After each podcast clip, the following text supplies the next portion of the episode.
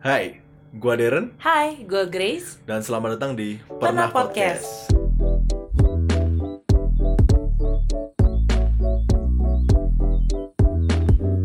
Oke, hari ini seru banget ya guys. Bener banget. Mau bahas apa nih?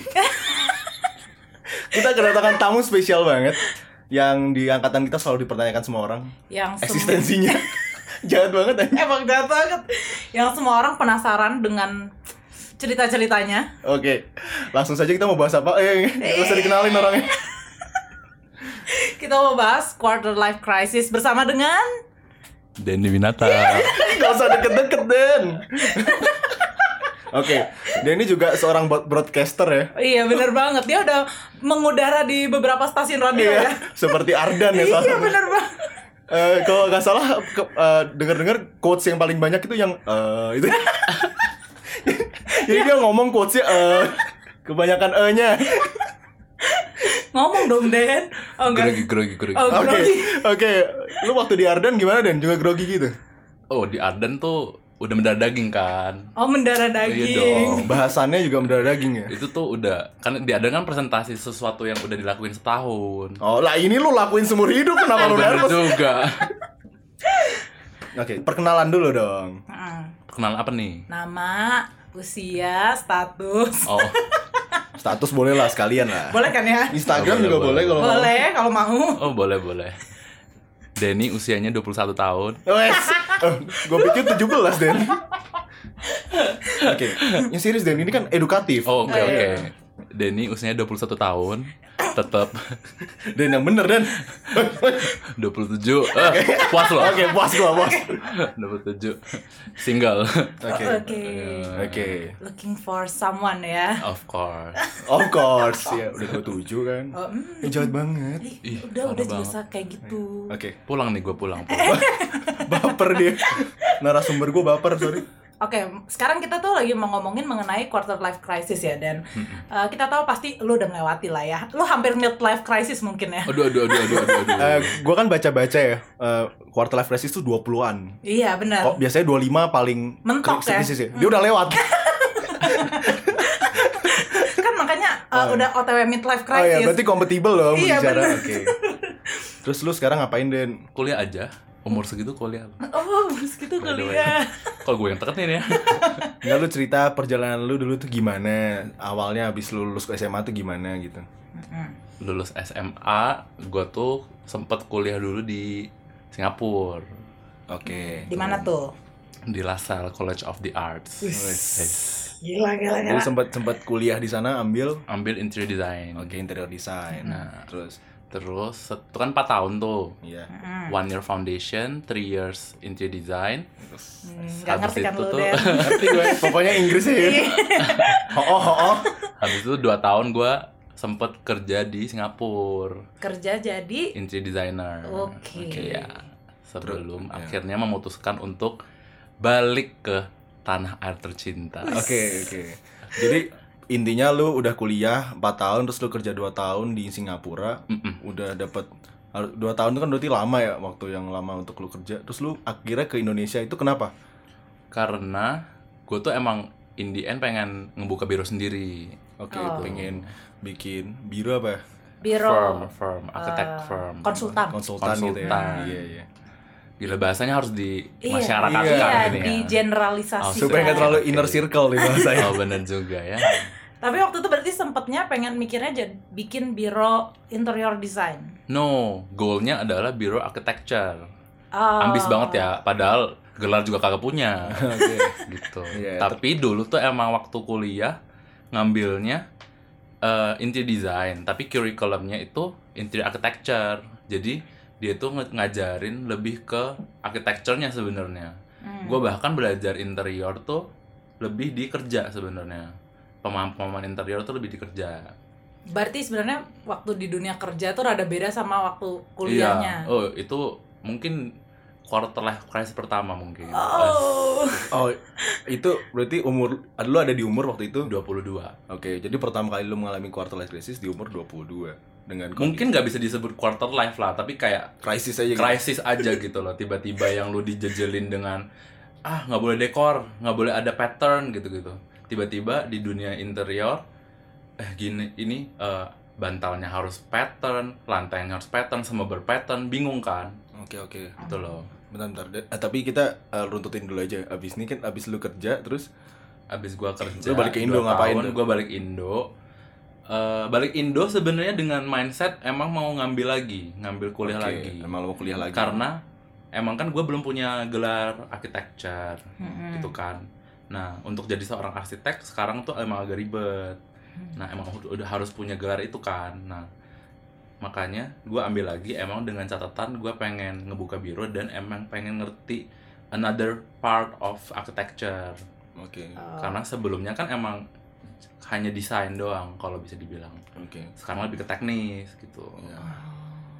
Oke, berarti lu kayak pengen lebih mendalami lagi sekaligus ngambil kayak gelarnya itu ya. benar ya sebenarnya memang ngejar gelarnya doang sih Oke, jadi akhirnya lu eh, sampailah di Bandung untuk kuliah arsitektur gitu ya. benar Kenapa Ini- bisa? kenapa bisa milih Bandung Ah, nah di sebelum gua memutuskan untuk kuliah ke Singapura pilihan kedua tuh di Bandung Hmm. di ini di salah satu di eh, universitas yang sekarang gua lagi eh, mengemban ilmu Oke. gitu Oke. berat banget ya mengemban ilmu ya formal abis Siap. gitu Kan emang orang tua bahasanya beda, kita paham lah ya. Aduh. Iya kita, Kita memaklumi. kita mengangguk saja. Nah gitu, emang dalam apa yang gua tahu ya di univ ini tuh memang lebih sesuai apa yang gua pengenin gitu. Makanya Oke. gua akhirnya masuk ke univ ini. Kenapa dulu malah ibaratnya kan lu udah tahu nih goals lu pengen buka biro arsitek gitu, Hmm. tapi lu kenapa malah milihnya tuh ke Lasal sana gitu? Jadi tuh dari SD kelas 6 tuh emang gua udah diarahin sama Bonyok. Kalau bisa, kalau punya kesempatan kuliah di luar gitu. Oh, oke. Nah, dari SD kelas 6 tuh gua ikut eh, semacam ujian gitu, ujian masuk gitu kan. Hmm. tapi nggak masuk SMP kelas 3 gue ujian lagi masuk tapi gue dapet prize yang bukan first prize-nya gitu. Kayak merit award-nya gitulah. Jadi kayak lu dapat boleh kulit boleh belajar di Singapura tapi lu harus bayar berapa? 6 dolar gitu. Tapi school quality-nya tuh kurang menurut gua Oh, waktu itu. Jadi oke. gua memutuskan nggak mau. Jadi gua nunggu sampai kuliah aja. Nah waktu kuliah dijejelin emang gue emang basic mau arsitek. Nah tuh ada peri- peristiwa lucu sih sebenarnya. Jadi dulu tuh gue tuh eh, ikut kursus kan ikut ngeles gitu kan untuk persiapan ke Singapura karena pengennya masuk ke NUS Oke, oke. NTU gitu-gitu loh Boleh, boleh. Ya, oh, gitu pengennya masuk sana karena Ah. architecture paling bagus di Singapura ya NUS Iya benar. cuman setelah pembekalan dari les itu gue akhirnya paham dengan kapasitas otak gue Oke, sadar diri lah. sadar diri lah ya Iya. gitu kan makanya gue lepas. Eh, sampai setengah sih gue belajar sampai setengah terus kayak ah nggak bisa banget nih pusing banget gue jadi gue cari cara bagaimana gue bisa ke Singapura. Karena emang mungkin karena arahan dari kecil kali ya kayak diarahin keluar. Jadi mindset gue juga oh gue pengen keluar gue pengen keluar. Hmm. Nah di saat gue udah nggak bisa ke salah satu uni yang bagus itu, gue tetap mencari cara untuk ke uni lain, tapi tetap di Singapura. Ke mana tuh pilihannya? UK, Singapura atau Aussie. Ah, Tapi kan gue belum pernah keluar, takutnya kagok dan homesick parah. Nah gue memilih untuk di Singapura aja, karena deket. deket. Padahal juga pulang juga jarang, gitu kan? Sama aja sebenarnya. Nah, akhirnya gue mencari celah untuk architecture nggak bisa, let's do interior instead gitu loh. Karena Hmm. interior menurut gue mungkin mirip-mirip gitu. Sejalan se- gitu. Waktu itu ya, waktu Hmm. itu gue merasanya mirip-mirip. Hmm. Setelah dijalanin kan rupanya, setelah dijalanin sebenarnya mirip karena kurikulumnya kan interior arki kan. Iya. Hmm. Nah, gue tuh masih kayak, oh oke oke oke, gue dapet interior design, tapi gue belajar architecture, I'm okay gitu kan. Hmm. I'm in right place gitu-gitu. Terus waktu kerja, boom, krisisnya datang pertama tuh. Oke. Di saat di saat gue belajar apa, eh kerjanya apa gitu loh. Kayak gue harus milih fabric, milih segala macam yang kayak biasa gue nggak milih gitu loh. Yang kayak biasanya kalau di kuliahan, eh, paling material apa sih? Kayu, cat putih, beton. Udah that's it kan. Iya. Kalau arsitek tuh biasanya udah nggak pikirin yang lain kan. Iya, iya. Nah tiba-tiba waktu kerja tuh harus milih fabric harus punya wallpaper yang kayak super duper bisa dibilang dekoratif di saat itu gue masih menolak ajaran dekoratif itu Hmm. karena dari dulu kan dijejelinnya basic form pure form form is everything gitu-gitu kan Oh, karena lebih ke arsitektur ya. ya Bang? nah tiba-tiba dijejelin dengan hal yang dekoratif tuh gue langsung ini apa sih gue kerja apa sih gitu loh Berarti lu merasa tidak di tempat yang tepat gitu ya? Nah iya itu pertama setelah jalan satu tahun tuh gue mas gue udah lumayan ngerti kayak oh interior tuh gini kenapa ada pakai material-material yang wow emang ada gunanya gitu loh. Hmm. Nah terus lama kelamaan timbullah quarter life crisis yang lebih gede lagi. Oke. Jadi itu mungkin bisa dibilang quarter life crisis gue. Oke, jadi di sini menurut lu eh, krisisnya sendiri itu apa sih menurut lu? krisis krisis tuh sebenarnya kalau gue mikir ya gue nggak merujuk ke KBBI dan segala macam ya Iya. gitu kan Oke. Menurut tapi menurut gue setiap orang tuh punya krisis yang berbeda-beda karena kalau waktu itu kan krisis gue adalah my goals life gitu kan emang Iya. gue tuh pengen jadi apa sih in the end gitu loh gue pengen ngerjain apa sih gitu loh ada orang yang mungkin quarter life crisisnya tentang pasangan mungkin Oh, atau iya. tentang pendidikan mungkin Iya. kalau gue tuh lebih ke what I want to be in the end gitu loh gue maunya jadi interior designer doang atau gue mau jadi arsitek that's it Oke. gitu loh kan Jadi sebenarnya eh, krisis ini tuh depends sama orangnya. I think so Dan gitu. kalau di bagian lu ini soal karir kali ya. Kalau gua ya kayak gua tuh tipe yang eh lebih mikirin gua harus suka ngelakuin sesuatu walaupun itu tuh berat dan walaupun mungkin kadang arsitek kan terkenal ya kayak gajinya di kecil gitu-gitu kan. Tapi menurut gua dari eh, ada value yang lebih besar daripada hanya duit menurut gua. Hmm. kayak wak meskipun begadang-begadang parah tapi waktu gua ngerjain gua selalu happy. Tiap hari bangun tuh selalu kayak oh uh, ada proyek ini ada proyek ini kayak sesuatu yang emang membuat gue happy aja nah Berarti- itu yang gua Hmm. kejar kayak passion lu itu ya. ya di saat itu hal yang gua kejar itu agak lari agak ter- diarahkan ke yang lain karena pekerjaan Hmm. di mana gue tuh basicnya interior arki gue ngerjain interior waktu ngerjain proyek gue nggak boleh pegang scope atau bagian yang di- dipegang oleh anak arsitek. Padahal itu gue ngerti gitu loh. Gue gue bisa gue bisa belajar itu. Itu yang gue pelajarin di kuliah gitu loh. Waktu gue kerja gue nggak boleh megang karena itu bukan scope gue scope gue adalah interior doang. Oh, jadi jadi sebenarnya eh, jurusan yang lu ambil ini soal arsitektur tapi tidak boleh in charge di arsitektur gitu. dia kan interior arki. Jadi gue tuh juga terakhir-terakhir baru ngerti karena objektif. Jadi goalsnya si uh, college ini adalah dia itu sebagai jembatan. Kalau lu mau lu lu kuliah kelar mau jadi interior boleh bisa. Hmm. terus kalau lu mau ngelanjut ke arsitek lu punya kapasitas itu karena lu udah ngerti basicnya. Gitu loh. Tapi mostly eh, biro-biro nggak mau nerima interior arki buat jadi dalam Arsitek. arsitek itu. karena arsitek punya sebuah badan yang lebih rigid sendiri kan Hmm. walaupun di Oh. luar dan di Indo juga dia punya sistema sistematika yang lebih terstruktur daripada yang lain gitu loh. Hmm.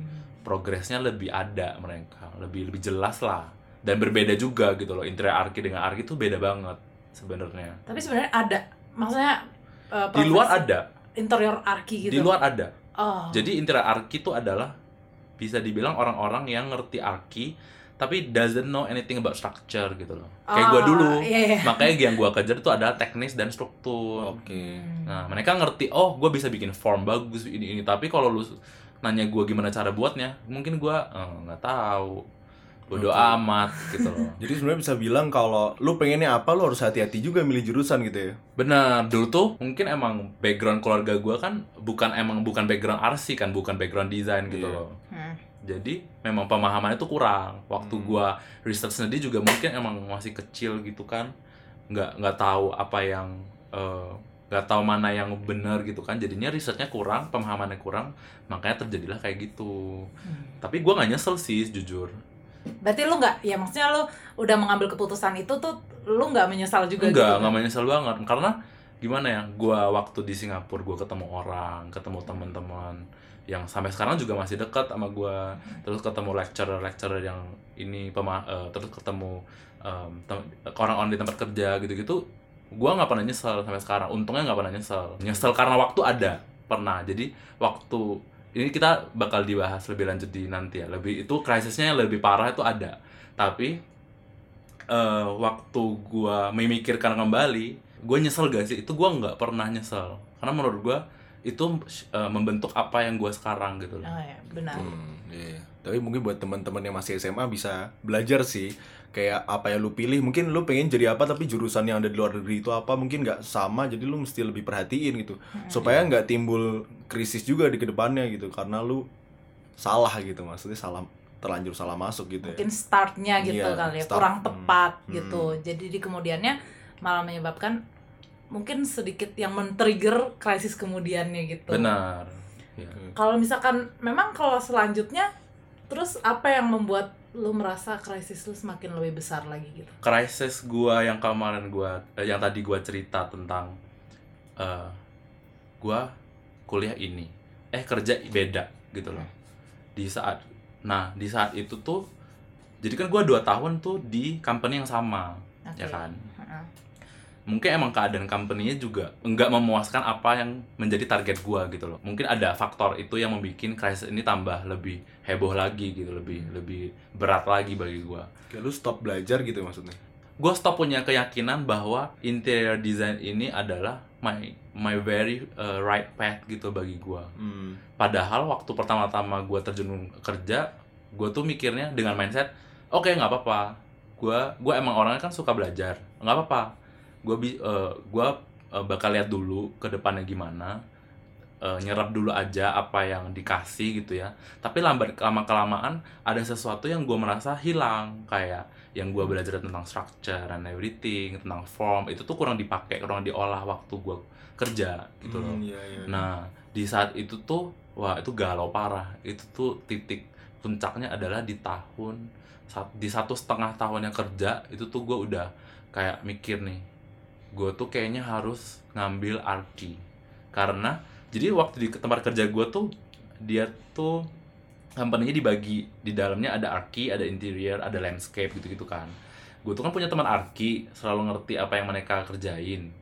Nah, gue tuh selalu iri Oh. gitu Oh loh. iya iya. Walaupun Iya. mereka juga iri ya lihat kita gitu karena kan kayak uh lu enak ya ngelihatnya cuman eh, tiap hari ngelihatnya fabric berwarna-warni gitu. Kalau mereka ngelihatnya beton, beton, beton, beton doang. Iya iya iya. Tapi di satu di sisi lain tuh gue ngelihat mereka tuh gue iri banget karena that's what I learned when I was in my college gitu loh. Sekarang gue nggak bisa nyentuh itu gitu loh. Mhm. Walaupun juga gue juga seneng ngerjain apa yang gue kerjain interiornya Iya. gitu kan tapi ada satu part yang gua rasa kok hilang padahal itu yang gua suka itu yang bikin gua bertahan empat tahun di interior gitu Oke. sekarang tuh hilang makanya waktu itu gua putusin kayaknya gua harus ngambil lagi gua bilang Kayak mungkin ini Gua mikir di nih gitu. kerjaan lu itu bukan tujuan hidup lu gitu ya? Atau- iya karena gini gini jadi gua udah minta gua bilang gua mau diberi kesempatan untuk bisa berpartisipasi di project architecture-nya gitu loh Mhm. terus gue pengen diberi kesempatan yang lebih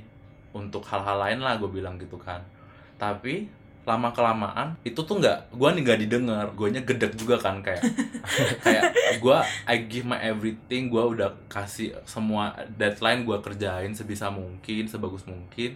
Gue minta sesuatu sebagai kayak imbalan lah istilahnya kayak reward for untuk kerja keras gue tapi kenapa lo nggak sanggupin gitu? Maksudnya menurut gue kan I know uh, gua posisinya mungkin bukan di sana gitu. Nah di sana tuh gua sadar cara yang cara satu-satunya biar gue bisa ke sana adalah gua harus ngambil gelar yang berhubungan dengan arsi, Mhm. gelar spesifik arsitek gitu.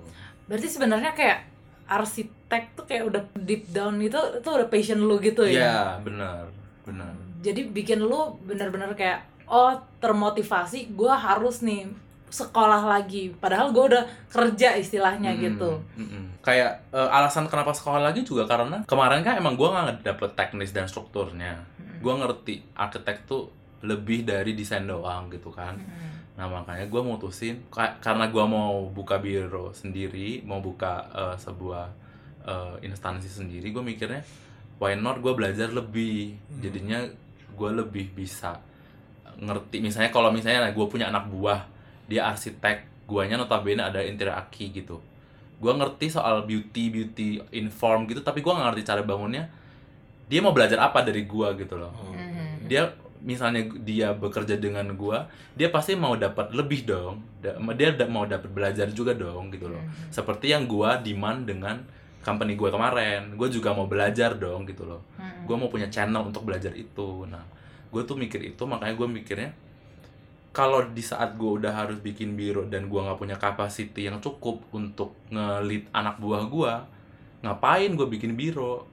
Sama aja nggak ada yang bakal mau juga. Dan compatibility kompetensi gue sebagai biro untuk melahirkan karya-karya yang bagus dan bermanfaat juga nggak bisa karena gue sendiri aja nggak punya kapasitas gitu. Iya iya.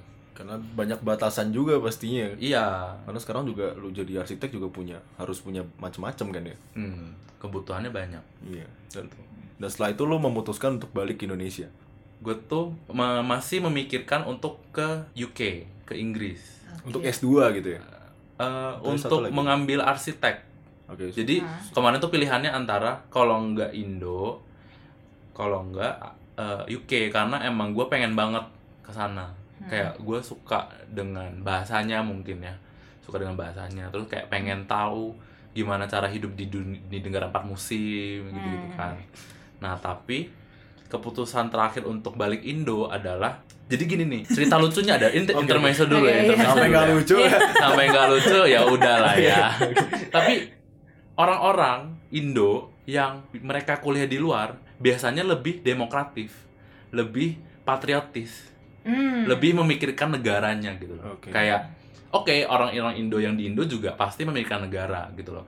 Tapi kar- kadang kurang voice out kurang kayak patriotisme itu kurang kelihatan gitu. Iya. kalau lu udah di luar rujukan lu semua Indo. Eh Indo bisa gini loh. Eh Indo keren juga ya bisa gini gitu.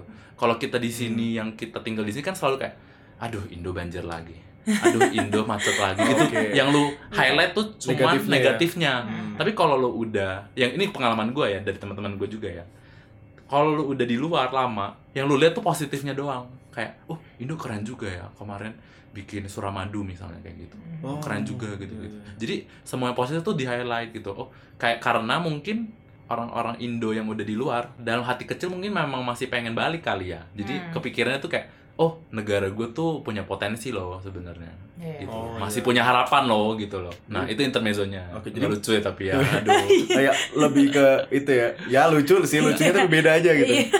Jadi mereka lebih ke berpikir untuk mengembangkan Indonesia lebih lagi gitu. ya. bener nah di saat itu tuh gue mikir ke UK atau ke Indo decision gue adalah terakhir kalau gue di Indo gue bisa sambil kuliah sambil kerja gitu Oh iya. karena Iya. gue nggak mau membebanin orang tua lagi kan maksudnya Hmm. Ini tuh udah kuliah kedua gue ngapain? Maksudnya gue tuh udah eh, beruntung banget kuliah pertama dibiayain dan di luar pula gitu loh. Iya. gue nggak mau porsi mereka yang mereka sekarang udah bisa menikmati bisa mau liburan ke mana malah dialokasiin ke kuliah gue gue nggak mau. Makanya terakhir gue milih ya udah gue balik Indo aja. Toh setahun terakhir tuh gue melihat Indo punya potensi gitu. Iya. Mhm. gitu. Akhirnya Indo gue pilihnya dengan catatan gue bisa balik dan juga emang nggak bolak balik emang Indian gue mau bikin biro kan kalau gue di luar lagi birokrasi dan eh, jalan untuk di luar tuh agak susah menurut gue maksudnya mungkin karena kita nggak ngerti kali ya Hmm. birokrasinya gimana kalau di. Indo kan ya bisa lah gitu loh negara sendiri Iya. setidaknya masalah untuk citizenship tuh udah kelar gitu gue kan orang sini harusnya adalah caranya gitu Iya, lebih gampang Lebih lah ya. gampang. Iya. Nah. Oke. Terus what is your next crisis? next crisis. Nah waktu memutuskan itu tuh krisisnya. Karena di saat lu udah punya eh, pekerjaan yang lumayan gaji yang lumayan lingkungan yang eh, udah comfortable tiba-tiba lu harus gini loh lu tuh udah kerja. Mungkin kalian eh, kurang paham mungkin ya. Tapi mungkin teman-teman yang Mohon udah seumur saya mungkin ya mungkin lebih paham Oke. gitu. Di saat lu udah kerja gitu, gue udah punya penghasilan tetap selama 2 tahun loh. Tiap bulan gue dapet penghasilan, gue bisa nabung sekian banyak. Gue balik Indo, meskipun gue freelance, tapi pendapatan gue tuh jadinya nggak tentu. Iya. Dan tiap bulan gue harus keluar duit dong untuk eh, kehidupan gue dan urusan kuliah gitu. Hmm. Nah di situ tuh gue itu life crisisnya di mana gue mikir gimana gue bisa sustain uang gue yang segepok doang gimana gue bisa manfaatin biar gue sebisa mungkin nggak minta lagi. Berarti ibaratnya lu tuh kayak dicabut dari comfort zone lu, kayak udah dikasih ini, dikasih itu, dikasih ini, dikasih Mm-mm. itu dan lu harus ber sekarang lu malah pindah di posisi yang lain dan lu harus berjuang untuk apa yang lu mau gitu benar benar. Karena juga misalnya gini nih itu in terms of life ya Mm-mm. tapi in terms of sesuatu yang lu kerjakan di kerja tuh projectnya real ada klien real masalahnya tuh real banget gitu loh Hmm. tiba-tiba gue harus seperti downgrade ke bukan me- menjelekkan kuliah ya cuman Gak berani dia. nggak berani nggak berani nggak berani kuliah itu bagus Oke, oke. Memang. bekal yang baik di saat lu harus balik kuliah lagi dengan em, apa requirement dan keadaan project yang dibuat untuk memaksimalkan potensi lu Oke. Nah. itu tuh beda gitu loh Ter- problemnya beda banget satu tuh meraba banget menurut gua kayak project kuliah tuh meraba banget karena lu sendiri yang ngedesain lu sendiri yang menentukan oh kayaknya kliennya suka kayak gini deh Oke. Iya. oh kayaknya ini deh nggak ada yang ngebatasin lu malah sesuatu yang dibolehin terlalu boleh itu malah jadinya susah kadang. Mhm. kalau kerja emang iya batasan banyak gitu ya. Kalian nggak suka ini nggak suka ini nggak suka ini. Susah susah iya. Tapi ada batasannya. Lu tinggal jalan aja gitu loh. Hmm. nggak usah banyak mikir gitu. Tapi enaknya kuliah lagi adalah bisa tidur siang sih. Oke. itu. Jadi selama 2 tahun lu kerja lu kangennya sama ini doang. kangen. Gue sampai bisa ya tidur. Gue sengaja curi tidur tuh di kamar mandi.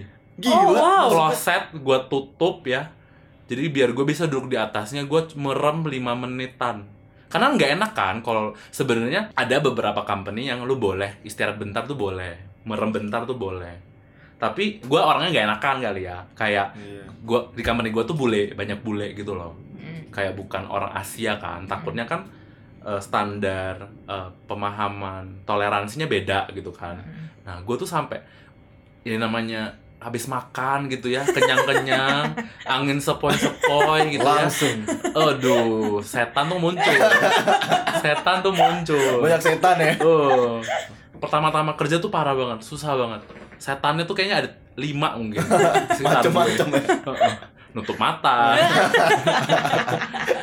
Nangkring di pundak gitu kan. Tiba-tiba kes Juga. Serem juga ya. Ya. Eh, sampai ya udah gue curi-curi di, di di kamar mandi gue tutup kloset gue duduk gue tidur nggak bisa tidur sebenarnya cuman ya mengistirahatkan diri aja Merem enak. merem ya. enak Iya. heeh. jadi bagi kalian yang masih kuliah banyak banyaklah tidur Oh siang gitu ya. gue sudah kan oh sudah ya Ini lu dat- datang malam-malam aja gue udah terganggu gua. Oke oke. Tuh. Jadi kalau gue melihat punya lu ini sebenarnya beda sama yang lain ya, karena lu di sini konteksnya lu udah kerja terus lu memutuskan untuk kuliah lagi dan itu S1. Mm-mm. Mm-mm. Gi- Gimana rasanya melihat eh ada di posisi itu? Karena kan kalau lu kerja lu pasti punya krisisnya beda. Lu pasti ngelihat temen lu oh udah sukses. Wah, ini udah gajinya gede nih sedangkan gue masih gajinya kecil.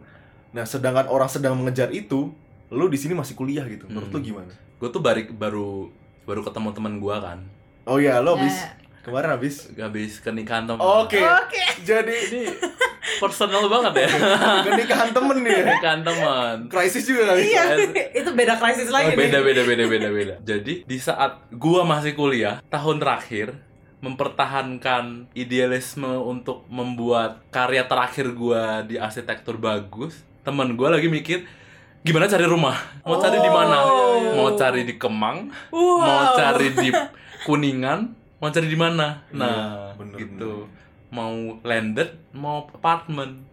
Di saat itu tuh gue langsung wow iri iri banget iri banget Iya. pasti Aha. karena kayak oh teman gue maksudnya seneng sih turut seneng sih Iya. maksudnya kan oh di di umur dia yang kita kan seumuran ya di umur dia yang sekarang dia udah bisa mikir kayak gitu gue seneng tapi di satu sisi tuh gue kayak oke gue harus mengejar Oh, betul. tinggalan gue Ini maksud lu di posisi hari ini gitu maksudnya? hari ini di umur gue Oh, yang sekarang, sekarang kan gitu ya. maksudnya teman gue tuh udah kayak ya lagi cari rumah sih Den nanti kalau eh, ada ini gue cari lu katanya gitu nah Oh. maksudnya dia udah bisa udah udah mulai cari rumah udah mulai membangun keluarga gitu-gitu kan Tapi agak beda kayak elunya sendiri ketika kayak lu denger cerita dari teman-teman lu itu eh, lu tuh kayak merasa tertekan gak sih?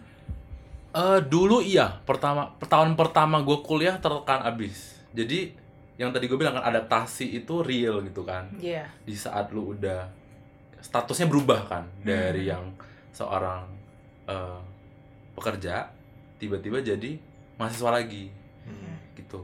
Struggle-nya real karena lingkungannya real kan tiba-tiba lingkungannya gue harus eh gue tuh takut sih waktu pertama kali kuliah lagi kayak takutnya gimana ya ini anak eh, teman-temannya bakal lebih muda banget jauh banget dari gua. Bisa gak gua nimbrung? Apakah gua bakal jadi kayak tipe-tipe mahasiswa yang menyendiri doang gitu kan? Gara-gara gak nyambung. Gak nyambung kan? Atau dijauhin malah kan? Takutnya gitu. Itu tuh gue mikir banget. Tapi untungnya setelah ngejalanin lumayan sih ketemu teman-teman yang baik baik oke thank you Denny Ini emang teman gue Oh, so deket banget ini ada intermezzo dikit ya. Gue jadi gara-gara Denny ngomong kayak adaptasi, gue keinget banget waktu tahun pertama kali gue masuk kuliah juga.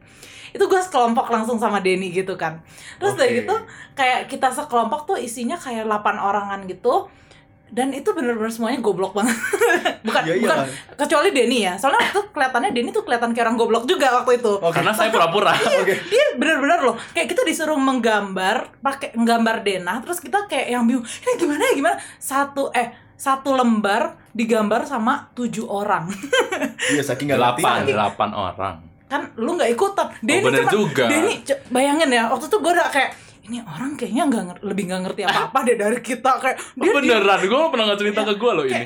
soalnya si Denny bener-bener kayak diem duduk di kursinya terus kayak ngeliatin kita kayak cuman mengamati dari Iya. jauh gitu. Terus dalam hati kayak ini anak bikin percil doang gini lama banget nih. Nah masalahnya terus kita udah kayak gimana ya gimana ya gimana ya? Terus kayak dari asisten studionya kayak udah ngomong ya bentar lagi dikumpul ya. Langsung lah ini wujud orang ini berdiri terus langsung mana sih? Ini lagi ngerjain apa? gitu. Terus langsung kayak hah? Kita langsung kayak apa sih nih orang? gitu. Beneran? lu sampai mikir kayak gitu? enggak cuman kayak gue tuh mikirnya kayak insecure. "Ih, gue- si Denny insecure. Kayak agak Agak- agak, agak- kesel juga gitu. bukan kesel Tom, tapi lebih ke kayak bingung gitu. Soalnya awalnya lu tuh kayak on on gitu loh. Yang kayak diem-diem mengamati doang. Terus dia tuh kayak ini kalian lagi bikin apa sih? Terus kayak gitu kayak tiba-tiba dia langsung duduk di kursi yang di depan mejanya ada lembaran itu. Terus langsung kayak serat serat serat serat narik garis langsung cepet ya? Tiba-tiba langsung kelar aja. Kita udah kayak orang yang bertuju lagi yang kayak Hah? Hah? Terus udah akhirnya kumpul terus abis itu kayak kita baru kayak setelah sekian lama dia ngobrol-ngobrol sama asisten dosen kita terus baru dia- kita tahu kayak oh nih orang udah lulus cuy. Kitanya kayak kita masih kayak anak-anak teri-teri gitu ya kayak "Iya." tapi jujur jujur muka Denny baby face banget. Iya emang emang sih. Parah. Kit- yang kita nggak nyangka umurnya udah yes Oh, gue juga pertama kali sampai di sini gue merasa susah cari temen kan. Karena mungkin gue pola pikirnya beda gue dari daerah daerah gitu. Aduh aduh aduh aduh. Terus gue ngeliat Denny ini adalah orang yang kayaknya bisa gue ajak temenan. Karena mukanya baik. Temen-temen gue dari daerah juga ya. Kayak mukanya nggak akan bisa ngelawan gue kayak pasti dia akan selalu support gue muka mukanya tuh kayak Oh, gitu. oke, oke. begitu gue kenalan dong. Iya ternyata dia enam tahun di atas kita. Kalau perjelas sih Kalau nggak- perjelas. oh iya kan nggak apa-apa. Nih, gue gua mau cerita yang dari sudut pandang gue kenapa gue belaga oon gitu ya. bentar bentar ini quarter life crisis atau klarifikasi? Sekalian lah. Oke, Oh, sekalian biarin lagi. sekalian nah gini nih. Mindset gue adalah gue tuh lebih umurnya beda kan. Gue tuh mau sebisa mungkin berkamuflase kayak bunglon gitu loh. Gue tuh nggak mau semua orang tahu sebenarnya. Terus dia kayak hinggap-hinggap di me- meja gitu Soalnya dia lagi kamuflase. Rayap di dinding jadi gue tuh kayak di saat itu gue udah kayak perhatiin gitu. Gue harus diem aja. Gue nggak mau keli- kelihatan gue bisa gitu. Udah diem aja gue ngeliatin. Tapi ya tujuh orang itu ya you know who you are lah ya. Kesel, kesel ya kan gue tuh gak bisa ya kayak lihat orang susah tuh agak kayak aduh pengen gue bantu gitu. Eh baik ya ngomongnya Mulia banget ya Mulia. mulia bahasanya aja ya padahal kayak gedek juga kayak aduh ini semua tujuh orang ini ngapain sih? Termasuk gue tuh tujuh orang. Cuma geser-geser penggaris doang. Mulai dari mana ya? Mulai dari mana ya? Gue ingat banget tuh Grace bilang ini mulai dari mana ya? Depan belakang. Gue udah kayak mau jawab mulai dari mana aja sama. Yang penting mulai. Iya. Jadi gue mulai. udah kayak perhatiin dong aduh lama banget jir. Gue tuh mesti nunggu sampai kapan. Tapi kayak gue nggak gue mau mereka belajar juga gitu masa gue yang jejelin semua kasihan juga gitu kan. Tiba-tiba ya bener ada tiba-tiba dosennya ngomong ya bentar ya ngumpul ya. Gue langsung panik dong gue orangnya agak panikan juga kan. Terus kayak udah udah nggak bisa nggak bisa nggak bisa. Gue harus turun tangan. Jadi langsung ayo ayo sini sini gue aja. Terus yang parahnya gue kan nggak bisa multitask ya. Tujuh orang itu nanya kayak wawancara ke gue waktu lagi gue ngerjain. Lu kalau tahu ya orang nggak bisa multitask ya? Dijejelin pertanyaan waktu lagi fokus ngerjain tuh nggak bisa ngerjain dua-dua jadi gue bilang gitu ya? Udah nanti dulu aja lu tanya gue gue bakal jawab gue kerjain dulu ya. Tapi masih nanya gitu termasuk Grace masih nanya. Ya iyalah ya lu kayak oh ini jadi ada jadi gimana? Jadi gimana? Kok bisa kok bisa gitu ya? bisa? Bingung gak lu tiba-tiba? jadi gue gue jelasinnya seiprit-iprit. Iya gue udah S1 terus kayak makin menjadi pertanyaannya gue kayak aduh nanti dulu dah. Ya kita pasti bingung lah lu lu udah S1 kenapa S1 lagi kan ya nggak? itu bener-bener kocak banget yang di saat kayak dosennya ngejelasin iya ini kolom nanti hitungnya dari as ke as terus gua kayak yang ke dia "Em, kolom tuh apa ya? Iya, Lu inget gak sih yang sampai per- pernah gue bilang apa di Iya kenapa? Mau nanya apa? Ups. Sama dosen ya keluar sombong banget dia. Enggak sebenarnya dia di wawancara tuh nggak cuma sama kelompok lu doang. Jadi gua awal-awal kan sama Denny terus ya banyak banget hampir setiap orang tuh datengin dia nanya kenapa dia kuliah lagi sampai waktu itu gue janji sama dia mau bikin kon- konferensi besar untuk menjawab pertanyaan orang-orang ini kan gue yang sama dia terus capek ya dengerinnya Jadi sekarang ini wadahnya ini ya adalah wadahnya. saatnya lu memper- mem- memperjelas gitu ya Oke oke kenapa lo ada di sini Mari kita balik ke quarter life Oh, crisis siap. lagi Oke. ya. Asik. Oke, mungkin balik ke pertanyaan. Pernah gak sih lu uh, merasa membuat kesalahan like in the last five years mungkin? Kesalahan Atau lu justru merasa pilihan lu adalah yang paling tepat gitu? Kesalahan iya, mikirnya iya, tapi nggak full salah gitu loh. Yang tadi gue bilang, gue nggak nyesel gue pernah kuliah di Lasel, terus gue sekarang kuliah lagi gitu, gue nggak nyesel. kesalahan iya gue sempat mikir kenapa dari dulu tuh gue nggak kuliah di sini aja gitu loh Hmm. jadi kan gue nggak perlu buang waktu gue Iya. ya kan maksudnya sekarang tuh kalau lo hitung berarti gue udah bisa di lima tahun gue sebagai arsitek gitu kalau misalnya gue dari awal Iya. kerja Hmm. kan. Maksudnya ya sayang juga kan sebenarnya kalau dari segi waktu. Hal yang gue nyesel adalah sebuah kesalahan adalah waktu doang menurut gue yang lain tuh nggak gitu sih karena gue gue belajar menerima. Pertama yang tadi gue balik lagi ya yang tadi kan balik lagi ke tadi. Waktu pertama kali gue ada em, berubah statusnya itu tuh kerasa beda nggak nyaman dari yang teman-teman gue seumuran atau bahkan lebih tua tiba-tiba gue temenan dengan orang-orang yang baru kelar SMA mindsetnya masih ya mindsetnya sama dengan mindset gue dulu gitu loh. Ada saat di mana kayak kelompok gue ya yang berdelapan itu ya ributin sesuatu yang gue mikir kayak ya ampun itu gue udah mikirin dari dulu kali udah kayak aduh.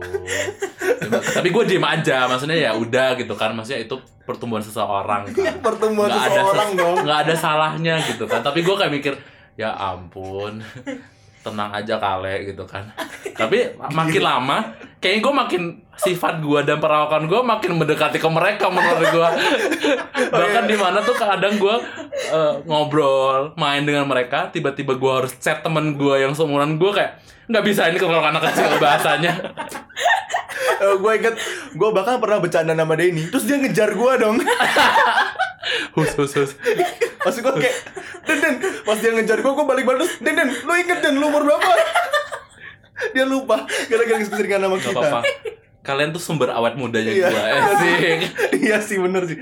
Tapi hebat juga loh Denny bisa adaptasi sama kita loh. menyesuaikan ya emang orangnya pecicilan Aslinya begitu. aslinya begitu karena waktu dulu waktu gua sama teman-teman gua gua merasa mindset gua terlalu anak kecil kayak kayaknya teman-teman gua dewasa banget ya. Muka-mukanya dewasa banget ya gitu loh. Waktu gua sama kalian tuh kayak oh pas gitu. Maybe it's meant to be gitu ya. Emang takdirnya begitu. takdirnya begini ya. Mungkin umur itu cuman angka gitu aku ya. cuma angka. Stamina tetap stamina tetap Oh, stamina stamina tetap berbanding lurus dengan umur. Oke, kelihatan kok Denny ya. iya. Kita paham lah. Eh, kita nggak usah deskripsikan lebih lanjut lagi ya Kalau Kok gue jadi jelekin gue sendiri ya? Enggak kok, lu te- terlihat bagus kayak awet muda, Oh, awet muda gitu kan. gitu. Baby face. Loh, loh, loh. Ayo lanjut. dia kayak setelah lu sering dibecandain kayak gitu jadi kata-kata ke dia tuh jadi pujian terus ya lu inget lu tua deh lu pujian gitu Oh iya, gue emang tua. sampai sudah tidak ada respect dengan dia Hey, sa, oh, masih ya? Oh, lu enggak sih gue tahu. itu namanya teman deh Oke oke oke. kayak di Good rumah good good. anggap rumah sendiri Oh lah iya iya benar benar. anggap ya. keluarga sendiri Berarti gue boleh nginep di oh, tempat boleh lu? boleh Boleh pakai gitar lu? Boleh. Yakin? tapi kalau gua beda ditarifin Dasar. Oke, next. Pernah gak sih lu punya pikiran kayak uh, I have so much uh, that I want to do gitu. Kayak gue pengen banyak nih, gue pengen lakuin banyak hal tapi kayak kenapa gue cuma di sini gitu. Pengen banyak pasti karena di satu sisi tuh gue balik lagi ya keterbatasan umur kan. Maksudnya di sumur ini tuh gue udah harus mikirin Kayak susah ke depan lah gitu. Aduh Sorry, berat sorry, banget sorry. ya masalah. Sorry sorry guys sorry guys gitu ya.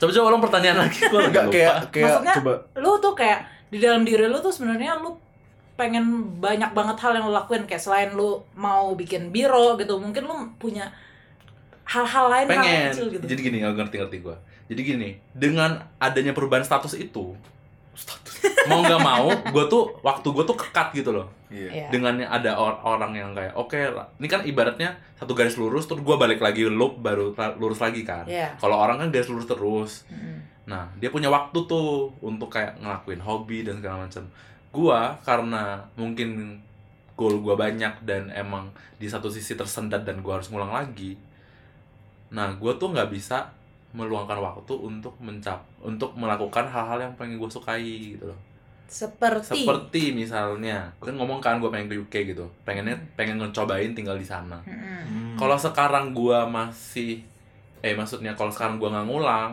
maksudnya nggak ambil lagi kuliah ya mungkin gue bisa coba aja coba eh, kerja di sana gitu loh Mm-mm. kayak berani aja gitu take chance itu loh kayak oh yuk coba dulu eh, dua tahun tiga tahun kerja gitu tapi sekarang dengan gua perlu mengambil ekstra waktu tambahan untuk mencapai goal gua itu jadinya gua main aman kayak ya udahlah di Indo aja.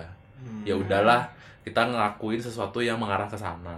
Nggak bisa yang kayak melenceng-melenceng dikit gitu Iya. kayak main-main dikit gitu ya main-main iya maksudnya dalam arti bukan main-main dalam arti literal ya maksudnya kayak explore gitu Mm. eksplorasinya tuh lebih ter ter terhambat jadi kayak Terbatas gitu. terbatas jadi kayak ah jangan deh takutnya nanti gue makin lama Lu jadi mempertimbangkan segala sesuatu gitu ya. Benar, benar. Jadinya lebih mikirin gitu loh. Kayak misalnya nih, kan udah S1 misalnya nanti kan. Logikanya adalah kalau memperdalam ya lu ambil S2 dong. Iya. Karena S2 kan Iya. Ada orang yang bilang S2 nggak penting, tapi menurut gue S2 penting juga. Karena itu membuka pikiran lu kan. Mm-mm. Kayak misalnya temen ada teman-teman gue yang kayak pengen nih S2 di luar tapi eh, aduh takut mahal gitu. Tapi gue bilang lo harus kalau lo mau di luar, lo harus coba di luar, lo harus ambil beasiswa Mm. karena dengan waktu gua kuliah di luar mindset gua beda banget gua kan dari daerah juga ya sama seperti Darren ya. Eh lu lebih daerah lu mindset main eh, eh, eh. Oh, oke. mindset dia waktu gua belum ke Singapura itu mirip. Konvensional dan segala macam gitu loh. Konvensional lu deh. emang kenapa? Nah waktu gua keluar gua melihat hal yang baru. Nah itu sesuatu yang beda banget. Kayak dan precious banget gitu loh. Itu sesuatu yang berharga yang kayaknya menurut gua kalau lu nggak bisa dapetin di Indo hal yang begitu mending lu keluar. Gua tuh sangat encourage orang keluar sih. Maksudnya bukan ya ya kalau lu in the end lu mau balik lagi atau enggak ya it's your choice lah. Tapi dengan lu keluar tuh beda banget. Mindset orang beda. Cara pikir mereka. cara pikir orang beda beda cara banget. hidupnya mereka juga beda. Iya gitu loh. Ta- tapi nggak jarang orang-orang di Indo udah punya pikiran itu. Tapi kan ya, lu bisa punya takdir sebagus apa untuk bisa ketemu orang itu kan? Iya. Seperti kalian ketemu gua mungkin. Oh, awas, awas. ini kesempatan yang sangat Self baik praise banget ya. Sorry sorry sorry. Self praise Mungkin kalau misalkan dari tadi lo ngomongin soal karir, soal studi, mungkin sekarang gue pengen pengen menggelitik sedikit kali ya. mulai soal- jawil-jawil untuk menahan pertanyaan Duh, duh, duh, duh. jawil-jawil ya Soal mungkin lebih ke arah kayak mm, your love life gitu kali ya. Heeh. Kayak lu seka- sampai sekarang nih di umur lu yang ke-27 tekenin terus. Gue udah tekenin. Tekenin terus. Masih sendiri nih Dit. iya. Lu ma- lu tuh ada keinginan gak sih? Eh, nggak gini dulu deh. Itu kalau gak ada target keinginan gue serem sih. Keinginan apa nih? Target Oh, lu oh. sebenarnya buat nikah kapan sih? Target ya? Target kan sekedar target ya sebenarnya ya. Heeh. tahun ini. Waduh. Eh sebenarnya sama bukan, siapa? sebenarnya bukan mau wawancara Denny cuma karena dia punya case yang unik jadi sebenarnya Iya. pengen tahu gimana sih lu punya pengalaman tentang ini gitu. Hmm. oh. Santai nggak mau Santai ya? nggak nggak tentang personal kok nggak. Pengennya sih 30 31 Ah, pengennya oke, pengennya. tapi apa daya ya? Berikan kapan nih kapan lah ya gitu. tahun ini tahun ini dan tahun ini jangan duitnya belum ada. Nanti dikasih makan apa? Oke, tapi pasangan udah? Enggak. Oh, aduh, aduh. sayang Susah sekali. itu ya. aduh belum ini punya. Masih mencari mengais-ngais. Tapi lu kayak kemarin kan lu baru nih balik dari kondangan temen aduh aduh lu. aduh iya. Terus lu kayak sebenarnya dalam hati kecil lu lu tuh kayak juga pengen gitu nggak sih? Atau insecure nggak ya? Ah, insecure gitu. Insecure enggak sih jujur? Hmm. mungkin karena gue orangnya bukan bukan yang tipe yang gue nggak mau ras hal ini gitu. Karena maksudnya di umur gue juga gue maunya ya udah kalau sekali ketemu ya udah kalau bisa ya sampai itu sampai ini kan gitu kan sampai gue tuh nggak mau ini. juga kan. Eh gue nggak mau perjelas lah intinya. Tapi kemarin tuh nikahan temen gue Mm-mm. kan. Tahun lalu gue ke nikahan teman gue jadi dua orang ini tuh best friend gue Oh, gitu. emang teman main gitu kan BFF gitu kan. Gue pengen pengen pasti pengen. Ter eh, iri enggak kayak jadi galau ada gitu kan. Tapi enggak yang sampai kayak yang aduh gimana ya gue belum. Ngedown banget. Down banget enggak. Biasa aja. Malah di satu di situ tuh gue melihat kayak aduh teman gue yang dari kecil terus tahu dia pacaran gimana terus sekarang udah married. Seneng gitu ngelihatnya kayak seneng banget. Kayak ngelihatnya wah miracle do happens gitu gitu kan. Berarti sebenarnya lu malah jauh lebih down kalau memikirkan karir lu gitu ya eh maksudnya Enggak juga sih. oh, enggak. Sekarang tuh udah legowo aja sekarang Ah, kayak oke. ya bodo amat. Karena midlife crisis it- menurut gue ya mid eh kalau midlife lah lagi tuh sih. kan udah otw Eh, eh, soalnya eh. kan udah kan quarter life udah kelar. udah lewat jadi lagi heading tuh. dengar dengar kalau udah tua emang agak susah Aduh. iya kata nggak sinkron gitu ya Jadi- otak sama quarter life itu tuh titik puncak menurut gua. Di saat itu tuh udah yang kayak wah, gini ya kayak ibaratnya waktu itu tuh lu ngeliat depan tuh abu burem hitam gitu. Lu nggak tahu masa depan lu gimana, harus geraknya gimana. iya Hmm. Kayak gua langkah ini tuh salah nggak ya? Hmm, Langkahnya ke jurang nggak ya gitu loh. hmm, hmm. Inti yang cara cara penggambaran gua waktu itu pokoknya jelas-jelas gua merasakan apa yang gua lihat di depan, apa yang gua jadi gua tuh emang orangnya agak planner gitu kan Iya. kayak oh oke SMA kelar gue mau kuliah ini gini gini gini gini Hmm, biasa gitu tiba-tiba di saat itu tuh blank abu hitam gitu kayak gue nggak ngerti gue mau ngapain gue mau ambil kuliah lagi salah gak ya? Mau ini salah gak ya? Mau berhenti kerja salah gak ya gitu loh. Hmm. itu bener-bener mungkin nanti kalau kalian ngerasain boleh kasih komen gitu ya. Bener gak sih? Soalnya gue tuh emang nggak pernah cerita quart- quarter life crisis gue ke Oke. orang lain. Karena temen gue mungkin punya quarter life crisis tapi kan beda banget ya. Gue tuh yang di saat gue harus mikirin gue balik lagi kuliah dan orang tuh yang janganlah deh jangan kuliah lagi lah gitu gitu loh. Iya. iya gitu loh. Jadi gue nggak pernah cerita karena menurut gue ya beda aja gitu loh. Idealisme lu gitu. Idealisme gue beda. Maksudnya mungkin mereka meng- menganggap hal itu tuh nggak se ah selo aja lah Den gitu loh. Kuliah 4 Mhm. tahun lagi gitu misalnya. Iya. tapi gue menganggap itu tuh hambatan bagi goal gue makanya di saat itu kayak gelap hitam gitu gue merasanya. Gitu. Jadi lu sendiri kayak bingung ke depannya ya gitu. itu tuh di saat itu gitu itu posisi paling down. Dari sekarang kalau li- lu kasih tanya gue jadi kalau lu lebih down soal karir soal love enggak juga karena I think yang kemarin tuh lebih berat. Sekarang tuh tinggal ngejalin doang. Mhm. sekarang lebih yang paling ribet adalah gue tuh mau kerja di mana ya? Jakarta Bali Bandung Hmm. mana gitu. Hmm. nggak tahu itu doang yang nggak tahu. Tapi kayak menurut gue tuh kayak ah bisa lah gampang lah. Gampang lah umur eh. Eh. Berarti sebenarnya semuanya itu punya porsinya masing-masing lah gitu ya? Iya. Nggak yang gue pikirin banget sih sekarang kayak ya udah ngejalanin aja tinggal setahun lagi kan. Iya. masih ada setahun lah untuk berhenti berpikir. Nanti setelah udah mepet-mepet baru biasanya kayak udah mau ke mana ya mau ke mana gitu. Nanti dulu aja lah. Tuh. Jadi how you deal with this tuh ya santai aja gitu ya. Pikir nanti gitu. dulu gue sempat nangis loh. Stres waktu yang itu tuh sempet stres. Gue Hmm. cari nyokap gue gue bilang gue cari nyokap bokap. Gue bilang gue tuh kayak gini gini gini. Gue mikirnya kayak gini. Di saat itu gue merasa yang kayak gue cerita tadi bokap gue bilang iya itu juga papa yang papa rasain dulu. Sama tenang aja.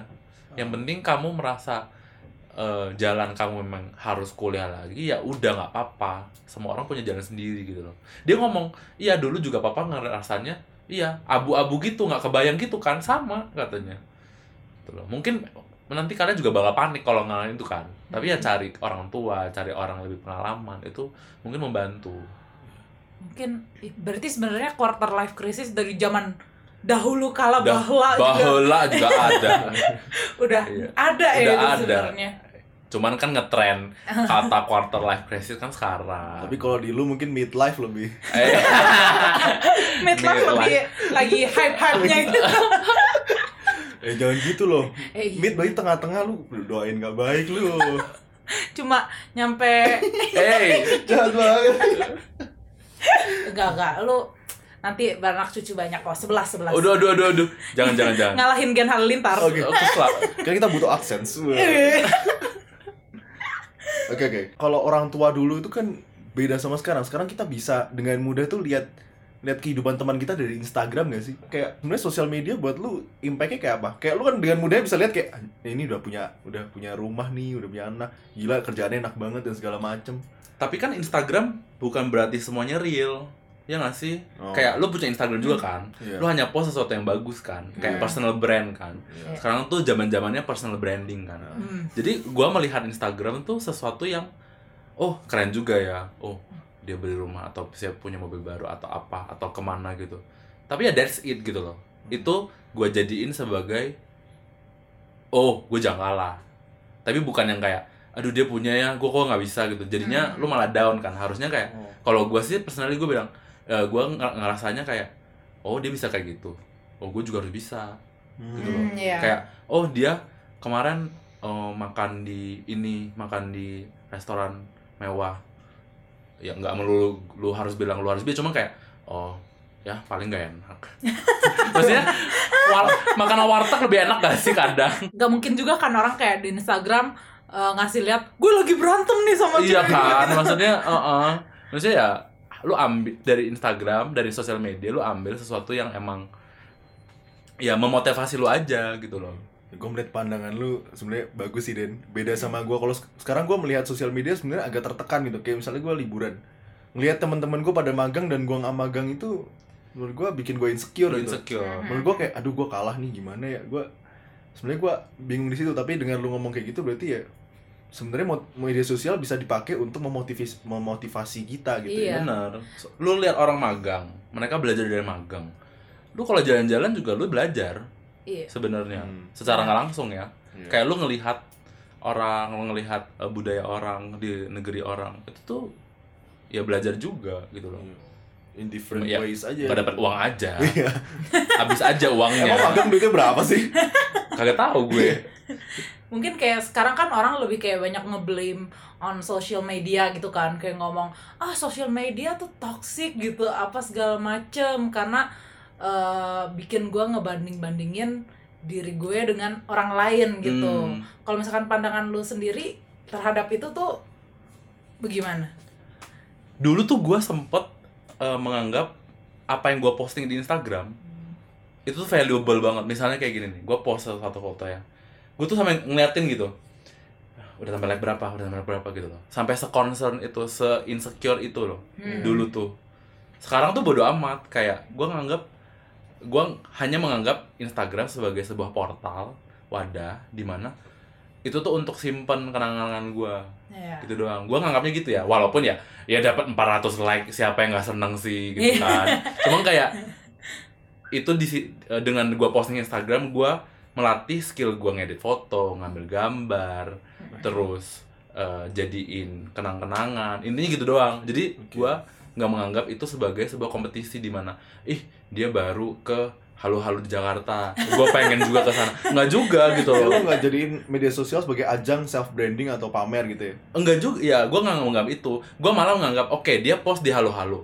Gue bisa lihat Instagramnya dia tanpa gue harus kalah halu ngerti gak Hmm. karena kita di dunia kreatif kan lu Ah. perlu inspirasi tiap hari Iya. gue menganggap mereka yang memposting itu adalah sebagai sumber atau pinterestnya gue Ah, oke. Iya. ngerti iya. gak jadi Ah. gue nggak perlu ke sana kecuali emang objek itu emang gue pengen banget ngeliat aslinya misalnya Hmm. oke gue bakal ke sana tapi kayak misalnya halu-halu kayak kayaknya mungkin nanti ada waktunya gue ke sana tapi nggak sekarang gitu kan ya gue Hmm. hanya menganggap itu sebagai oh bagus juga ya bisa dibuat kayak gini gitu loh oh desainnya bagus ya gitu reference aja oh jadi lu menganggap mereka juga bukan pamer tapi justru sharing gitu ya iya itu sebagai mereka ya mungkin tujuan mereka adalah membranding mempopulerkan sebuah brand seperti Halo HL kok kita kayak di sponsor Halo ya cuman maksudnya mereka mempromosikan brand-brand kan content creator itu tapi menurut gua dengan ada mereka kita ngerti orang di luar apa di luar Oh, di mana iya. tanpa kita harus ke sana Iya. iya oke. Tuh. Jalan-jalan virtual ya. gitu. yes. Eh, bikin baper sih kadang ya kan sih cuman ya, ya diambil positifnya sih kalau gua sih sekarang me- merasa ya udah semua diambil positifnya aja gitu Oke. nggak usah iri gitu bersyukur aja Lo ada pesan gak sih mungkin buat eh, teman-teman kita yang akan sedang melewati quarter life crisis ini? Iya. quarter life crisis itu tuh ya menurut gua balik lagi semua orang tuh beda di saat lu menghadapi itu kalau bisa lu nyari orang-orang yang udah punya pengalaman kalau nggak orang tua gitu loh. Iya. karena mereka ngerti elu mereka udah pernah mereka pasti bisa membimbing lu gitu loh kayak udah kayak lebih bisa nenangin lah intinya karena quarter life crisis emang semua orang harus melalui mau nggak mau seberapa parahnya quarter life crisis itu ataupun enggak tapi intinya lu hanya perlu melaluinya karena kadang tuh ya mindset bekerja memanipulasi otak ya lu mikirnya aduh ini berat banget gimana dong gimana dong gitu tapi kalau lu udah jalanin aja sebenarnya ya udah karena Hmm. emang semua plus minus juga kan Iya.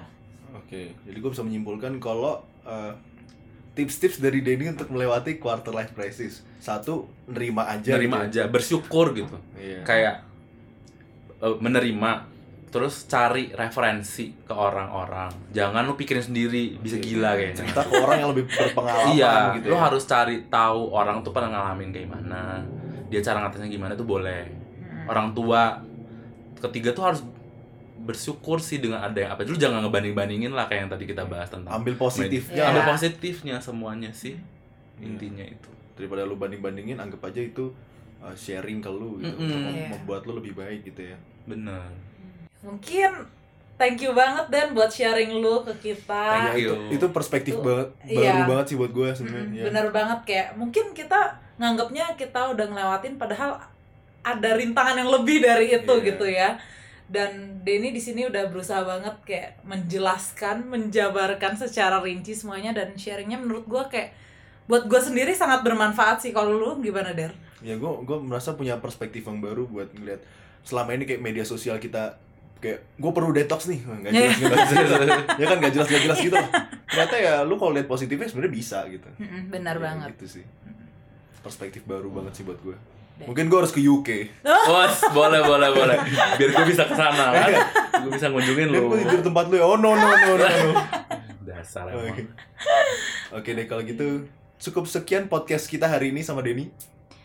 Mungkin kita akan ketemu lagi lain kali enggak ya? Iya. Enggak ya, kita enggak bakal ketemu lagi sama Denny. gue bakal ngajak Denny oh lagi. gitu ya lihat lihat dulu ya like-nya gue berapa gitu ya followernya berapa Enggak ya ada like sih oh nggak ada ya Nggak ada ya, Maaf saya baru di podcast biasanya kan radio Oke, gue Deren. Gue Grace. Kita pamit dulu. Bye.